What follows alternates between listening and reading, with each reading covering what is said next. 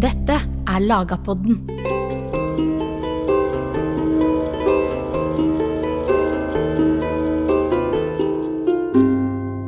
I dag som gjerne blir kalt prologen, eller forordet til landsloven av 1274, står Magnus Lagerbøte fram som en konge som bare bøter på gammel rett. Og i dag en kaller epilogen, eller ittordet til landslova, der står kongen derimot fram som en lovgiver. Begge deler er for så vidt rett, siden landslova bygger på gammel rett, og den innfører helt nye lovregler.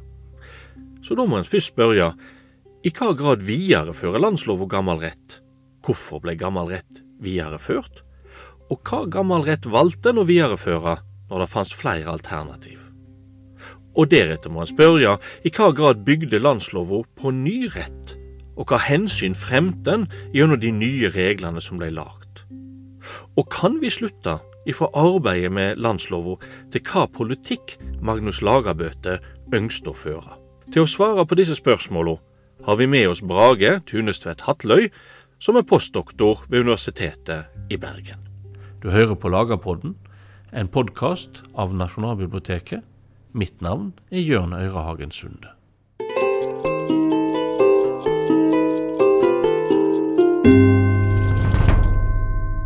Og Brage, det første som vi må snakke om, det er jo at kong Magnus den 6., som lagde landsloven av 1274, han får seinere, etter sin død, tilnavnet lagabøter. Og hva vil det egentlig si å være en lagabøter? Ja, um, for å begynne på det, så vil jeg litt begynne med hva er det han bøter på. Mm. Eh, på grunn av dette verbet, å, å bøte, eh, som han har i, fått i tittelen, refererer jo gjerne til å reparere eller å flikke litt på. Um, og det er um, Den retten han da bøter på, det er den retten som har vært fra gammelt av. Mm. Og det skriver han også i prologen at nå eh, har, jeg, har vi, har vi, har det kongelige vi, eh, sett på de bøkene som fins, og så har vi bøtet på de. Mm. Og de bøkene som da er, der viser han til eh, den eldre Gulatingsloven ifra Vestlandet, Frostatingsloven ifra Trøndelagsfylkene, eh, og så mest sannsynlig er da en borgertingslov fra eh, kystområdene på Østlandet, og en eidsivertingslov for innlandsfylkene på Østlandet. Og disse lovene, som vi da går ut ifra alle fire eksisterte skriftlig, i dag har vi bare to av de eh, som har overlevd, de sier han at de har han bøtet på. Og så sier han i epilogen at det han har gjort, er at han har tatt disse fire bøkene, og så har han eh, Hvordan er det han formulerer Han har likestilt de, han har sammenstilt de. Mm. Og på den måten så har disse fire ulike bøkene eh, Som sagt, bare mellom eh, Gulatingsloven og Frostatingsloven så er det store forskjeller. Veldig tydelige forskjeller, både i hvordan de ser ut, og hva de inneholder. Mm. Uh, og den Når han da sier at han har laget én Eller han sier jo det at han har redigert de fire bøkene, men resultatet er at landsloven, slik som vi kjenner den, og som dere har i, snakket om den her på podkasten, eh, blir én lov for hele Norge, med enkelte regionale tilpasninger. Mm. Så det er det han bøter på. Ja. Og hva er det han da gjør? Vel, det han legger i det, virker å være I prologen så sier han at eh, han har um, gjort det enklere. Han har forenklet det som var komplisert, men noen regler har vært eh, litt Har sagt for lite, og for at det skal være tydelig, så har han lagt til noe. Mm. Og det er slik han sjøl beskriver det. Ja. Så det er det, det er det enkle svaret. Men hvordan det har skjedd i eh, mer lovgivningsteknisk, det er da det blir litt mer komplisert. Ja, men Kan du da fortelle oss som har studert dette, hvordan han på gammel rett? Hvordan er det han rent praktisk går fram? Mm.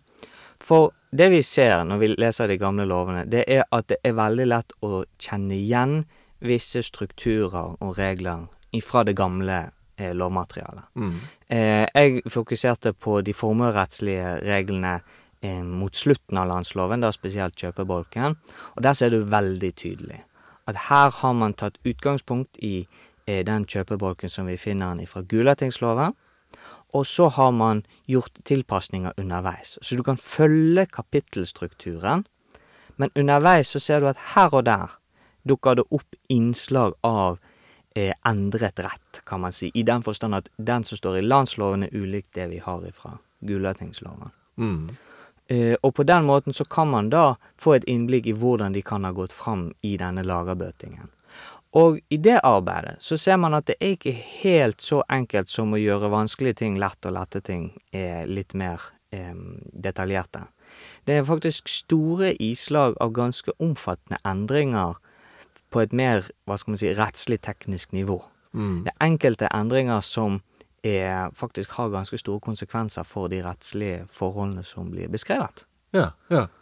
Men, men før vi går inn på innholdet, kan du gi oss et eksempel på hvordan en tar en gammel regel og bruker den i landsloven og omdanner den slik at den blir enklere og klarere og, og gir bedre mening? Mm. Den, mitt, mitt favoritteksempel på å vise hvordan de går fram, eh, er for eksempel en regel i kjøpebolken litt lenger uti, hvor de begynner å snakke om særegne avtaleforhold som knytter seg til eh, eh, kyr, bufe. Ja. Og det har, vært, har nok vært veldig viktige regler, for det er verdifulle eh, formuesgjenstander og ressurser på den perioden. Viktig å ha klare og gode regler. Og ifra Gulating Og her ser man igjen store likheter med Gulatingsloven. Men så er det for eksempel Gulatingsloven sier at den som har leid en ku av en annen person, Ja. eh, han har fullt er, Står fullt økonomisk ansvarlig overfor den han har leid den av. Mm. Så det betyr at han vil alltid ha ansvar hvis han skulle miste kuen, hvis kuen dør eller lignende, så skal han eh, stå ansvarlig overfor den han har leid den fra. Men så sier landsloven at ja, eh, den som har leid, står fullt økonomisk ansvarlig, bortsett fra. Ja. Og så listes det opp en rundt en ti eh, forskjellige unntak ja. eh, på hvorfor eh, Eller omstendigheter hvor dette fullstendige økonomiske ansvaret ikke slår inn.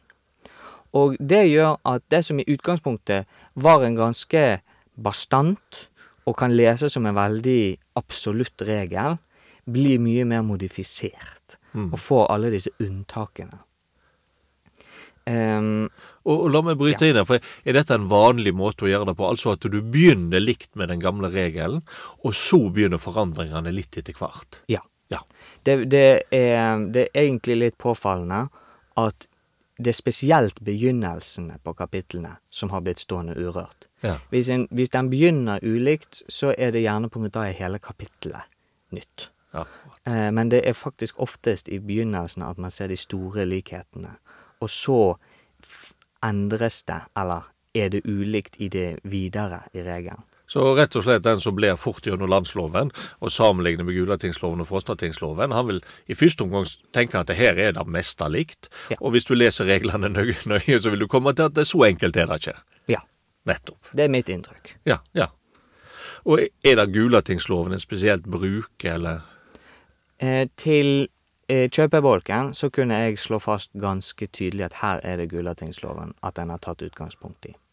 Men de ulike bolkene eh, viser litt ulike mm, mønster. Ja. Og jeg har ikke fått sett på alle i detalj ennå. Noen av bolkene har jo et veldig tydelig innslag av eh, ny. Da spesielt eh, kristendom, kristenbolken. Den har dere kanskje allerede diskutert her. Den har jo ender opp med å få enormt viktige og omfattende forskjeller fra eldre rett på grunn av politiske omstendigheter, som vi kan la ligge. Ja. Em, det, så den er det mye vanskeligere å si eh, hvor den eventuelt kommer fra. Mm. Eh, men det er min hypotese at hvis man ser andre deler av loven, så vil man kunne finne tilsvarende inspirasjonsobjekter. Men da er det like stor sjanse at eksempel Frostatingsloven Mm. vil spille inn. Um, i, eller eventuelt at de har hentet eller basert seg på en struktur fra de to eh, landskapslovene som vi ikke har tilgang på, Ja. tilgang på i dag. Ja. Eh, Hva er forskjellen da egentlig på Gulatingsloven og Frostatingsloven? Er det både regelinnhold, er det måten reglene er formulert på, og, og, og er det mulig i det hele tatt å si hvorfor de vil det ene før det andre? Har du, har du funnet noen spor iallfall å følge? Ja, eh, for å begynne eh, med, med forskjellene. Det er, skal er viktig å presisere at Frostatingsloven slik som vi har den i dag, er, er basert på en form for redigeringsarbeid som ble gjort på 1260-tallet. Så veldig tett opp mot eh, landsloven. Så det er vi er ganske sikre på at den inneholder eh, eldre frostatingsrett. At det ikke blir gjort så mye i innholdet. Men man har eksempel da et forord fra kong Håkon Håkonsson eh, som eh, tolker i retning av at det har blitt gjort enkelte mindre redigeringsforskjell. Så det må vi bare ta med oss. Så den har gått gjennom en viss form for redigering, mens Gulatingsloven i mye større grad framstår som uredigert. Vi finner flere lag med regler, vil si vi finner regler om det samme som ikke ligner helt på hverandre, og vi finner regler som står litt i plassert underlig fra hverandre, så den er nok en eldre og en mindre gjennomarbeidet versjon, for å si det sånn. Så bare i strukturen så er de veldig ulike. Men også i innhold så er det ganske store eh, forskjeller. Eh, jeg har eh, sjøl sett mye på um, de prosessuelle reglene. Eh, det- Hva er det for noe? Ja. prose- Ja. Eh, prosessuelle regler eh, Frostatingsloven, for å begynne der, har en egen del, en egen bolk, som bare behandler eh, hvordan man skal gå fram med en sak. Person A mener at han har et rettslig krav mot person B. Hvordan skal A gå fram for å kreve inn det kravet? Eh, det er da beskrevet i Frostatingsloven sin rettergangsbolk. Mm. Uh, og her, den er ganske omfattende, jeg skal ikke gå så mye inn i detaljene her. Men den prosessen som blir beskrevet der, er veldig ulikt i de prosessene vi finner i Gulatingsloven. Gulatingsloven har ikke en egen regel om prosessuell eh, framgangsmåte, men eh, man finner her og der ulike prosesser for eh, eh, eh, private krav, eh, pengekrav, eh, krav på fast eiendom, da spesielt innenfor odelsretten og kriminalspørsmål. Eh, forbrytelsesspørsmål. Ja. Så det um... Så, så Frostatingsloven har rett og slett mer fokus på hvordan du går fram, hvordan du fører ei sak, enn Gulatingsloven. Vel, både ja og nei. OK. Um, eh, som sagt, jeg har sett veldig mye på kjøpebolken. Ja. Og Gulatingsloven sin kaupebolk, for å prøve å holde de to litt fra hverandre, Ja. um, den kommer veldig tidlig i loven.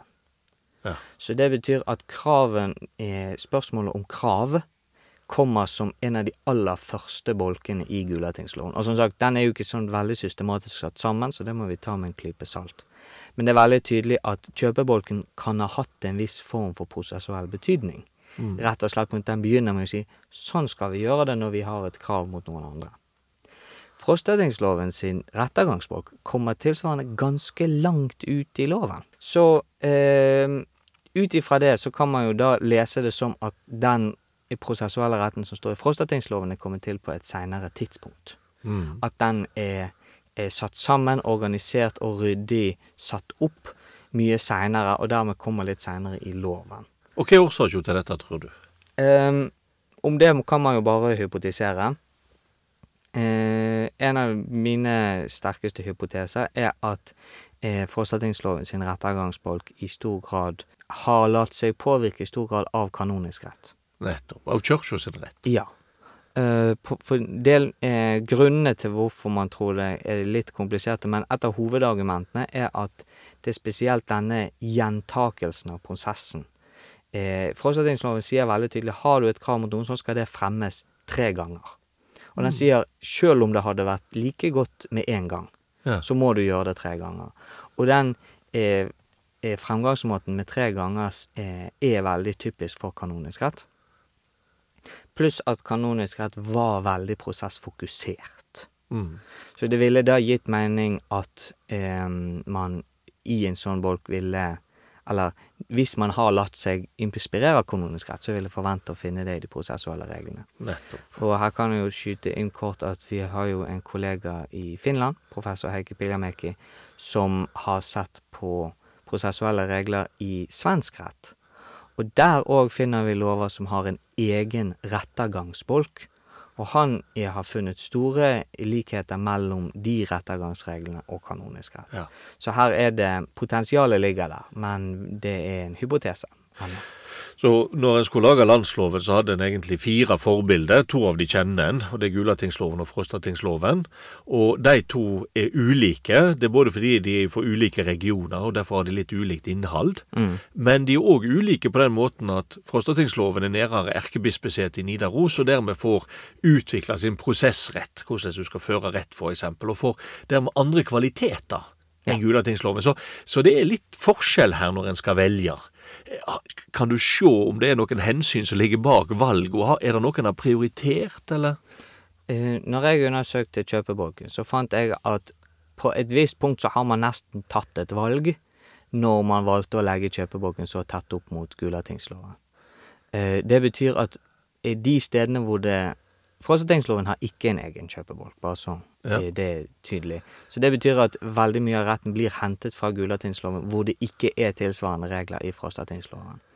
Men dette at man i så stor grad er bygget på Gulatingsloven, eh, har nok ført til at man i større grad også har valgt ifra Gulatingsloven også der hvor man har regler fra Frostatingsloven. Akkurat. Eh, er noe mener jeg at man trygt kan hevde, eller iallfall hypotisere. Ja. Ehm, så det medfører at der, i den bolken, så ser man et veldig tydelig innslag av at man velger Gulatingsleiren foran forskningsloven, fordi det passer bedre inn i den rammen man har valgt for resten av bolken. Ja. Um, men så ser vi jo da De har vært klar over Frostatingsloven, bare for å skyte det inn.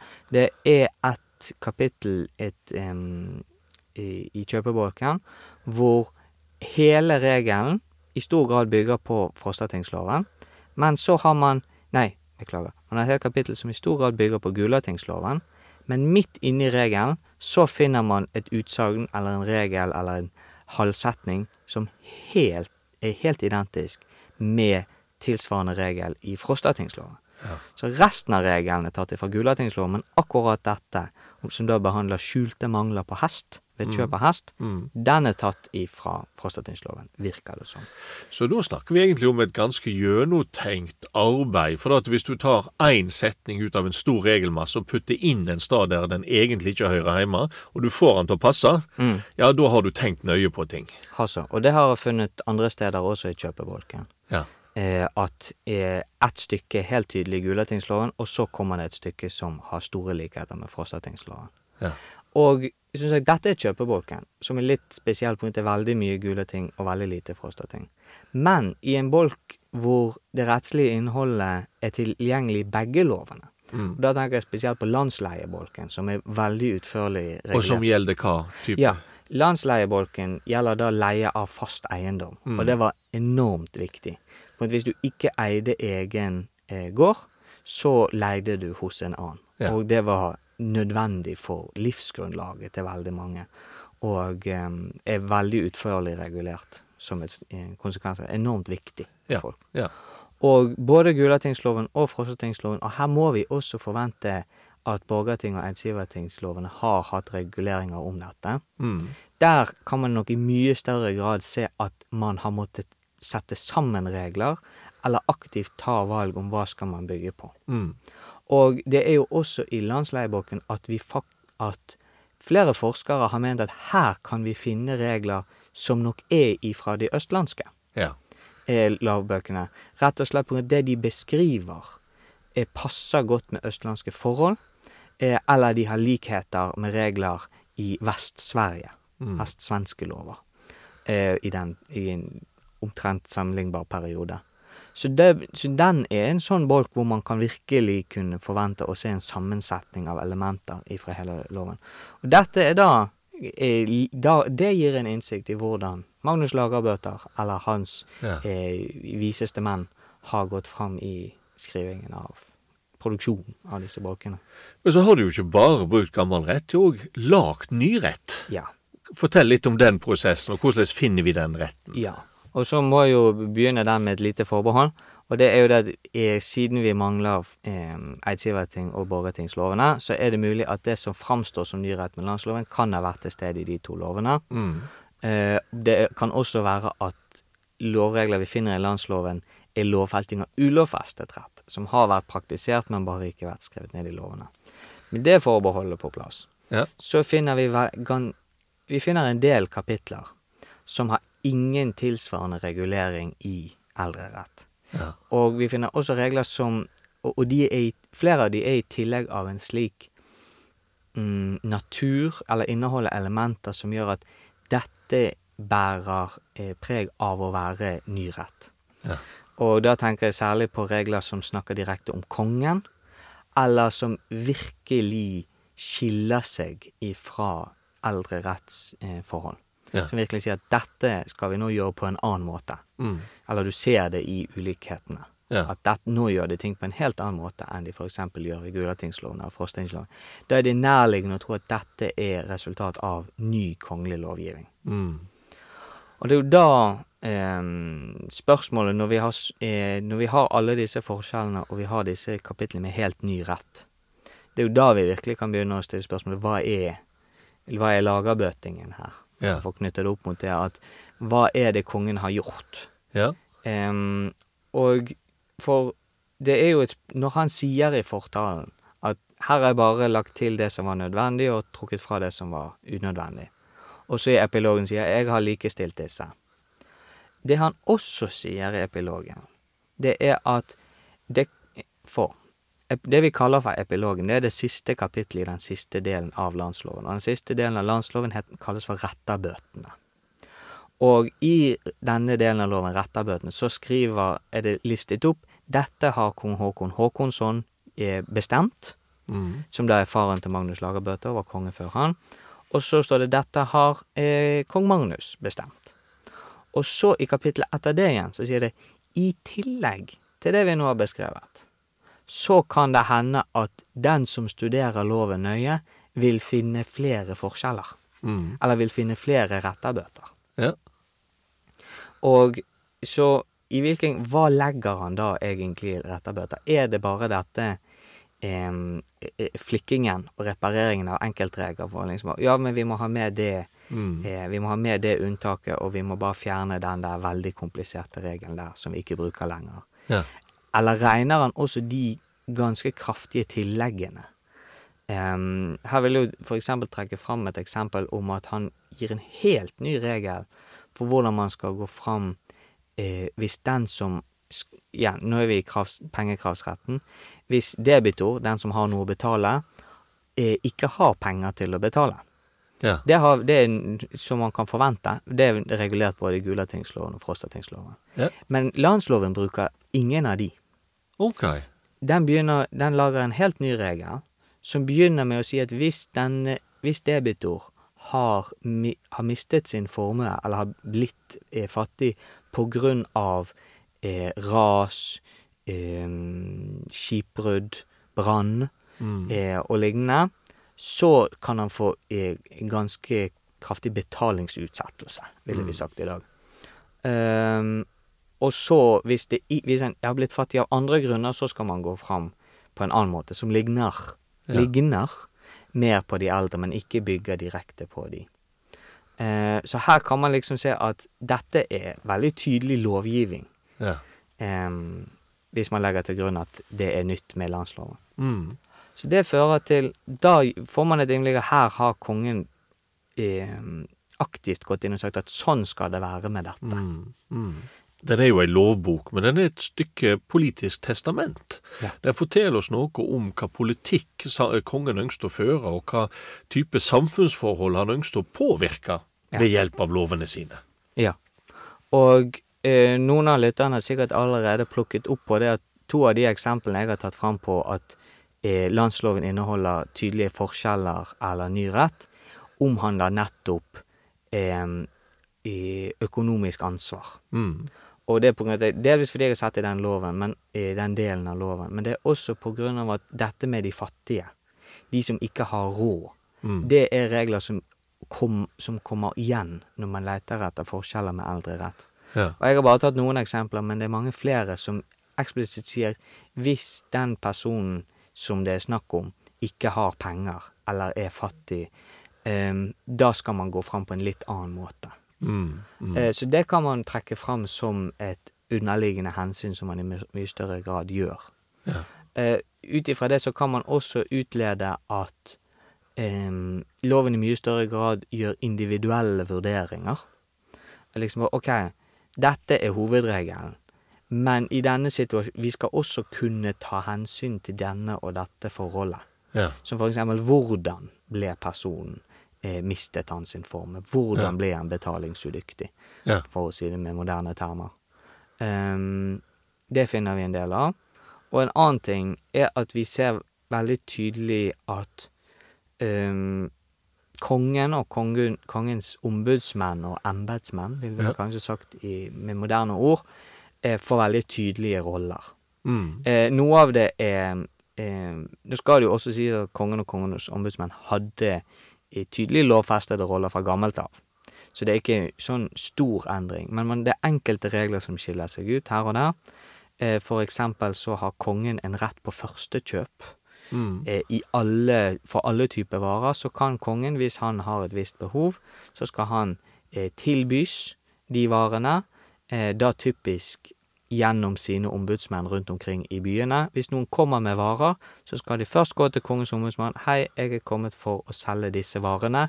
Har kongen behov for noen av disse varene?' Og da har kongen rett til å kjøpe før alle andre. Mm.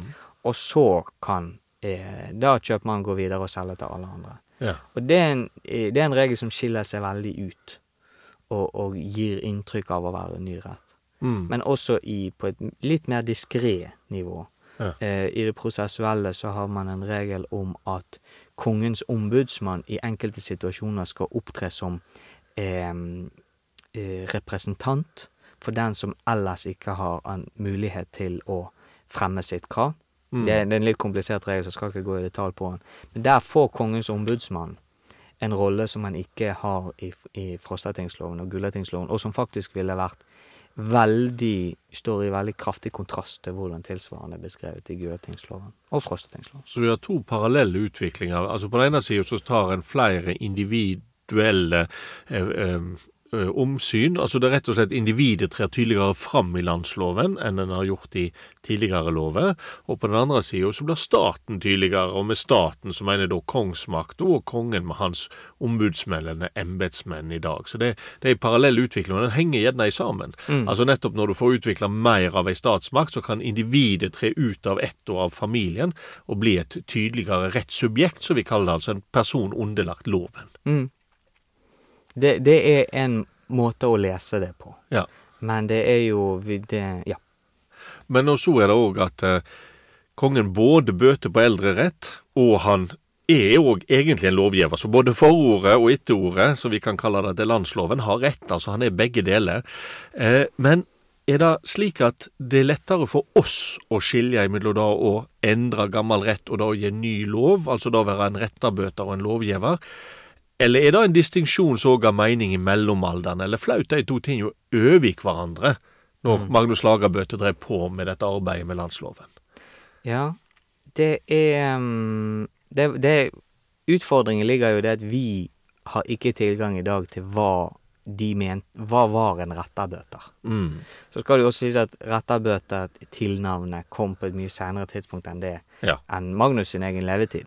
Så hva Magnus la i det, er ikke nødvendigvis det samme som de som ga navnet, la i det. Ja. Så eh, det i seg sjøl skaper en viss eh, usikkerhet. Eh, når det vi ser at i For Magnus var jo ikke den første kongen som eventuelt ga retterbøter. Mm. Vi har eksempler fra de eldre lovene på at denne kongen sa dette, eller denne kongen gav denne. Og det strekker seg ganske langt tilbake i, i, i norsk historie. Eh, og de blir gjerne omtalt som retterbøter. Mm. Eh, så vi må ta høyde for at retterbøting til en viss grad åpner opp for å gi ny rett. Men når vi i moderne tid liker å trekke fram Magnus Lagerbøte som lovgiver, så er det det at han har produsert denne hele loven. Han, han ga hele landsloven. Og dermed blir det som han gir nytt, kommer da i en annen posisjon enn når gamle konger sa at jeg skal gi en ny lov om akkurat dette avgrensede spørsmålet. Mm. Så sier Magnus Lagerbøte at 'jeg har bøtet på hele denne lovboken'. Ja. Og det er da det blir litt hensiktsmessig. Når er Magnus Lagerbøter en lovgiver, og når er han en retterbøter? Når har han behandlet det gamle, og når har han gitt ny rett? Ja. Det er da de spørsmålene virkelig blir eh, interessante. Eh, men det er et noe åpent spørsmål. Ja. Eh, for det kan godt hende at en i, i, i Magnus Lagerbøtes samtid så på både redigeringsarbeidet og lovgivningsarbeidet som eh, en del av kongens eh, mulighet til å gjøre retteboter. Så skal det nevnes et lite poeng der, avslutningsvis, eller eh, som vi ikke har nevnt hittil. Og det er at disse endringene som Magnus gjør, vil jo se veldig annerledes ut, avhengig av hvor du bor, for å si det sånn. Mm. Eh, for nå har jeg snakket om kjøpebolken. Og i Gulatingsloven så vil de se den og si at ja, denne ligner veldig på den kjøpebolken vi hadde, eh, og den har blitt bøtet på. Mens i Frostatingsloven, som ikke har en kjøpebolk, ingen Ja. versjon av en kjøpebolk, så vil de se den og si å ja, her har vi fått en ny kjøpebolk i kongens lovbok. Ja. Så det vil ha blitt opplevd ganske annerledes. Mm. Og som sagt, vi vet ikke hvordan det så ut på, i, i Eidsivating eller Borgartingsbøkene. Mm. Så det er et potensial for at um, det ville ha, det vil ha blitt opplevd ganske annerledes. Mm. Da har vi fått svar på mange spørsmål, så tusen takk til deg, Brage Tunestvedt Hatløy. Tusen takk.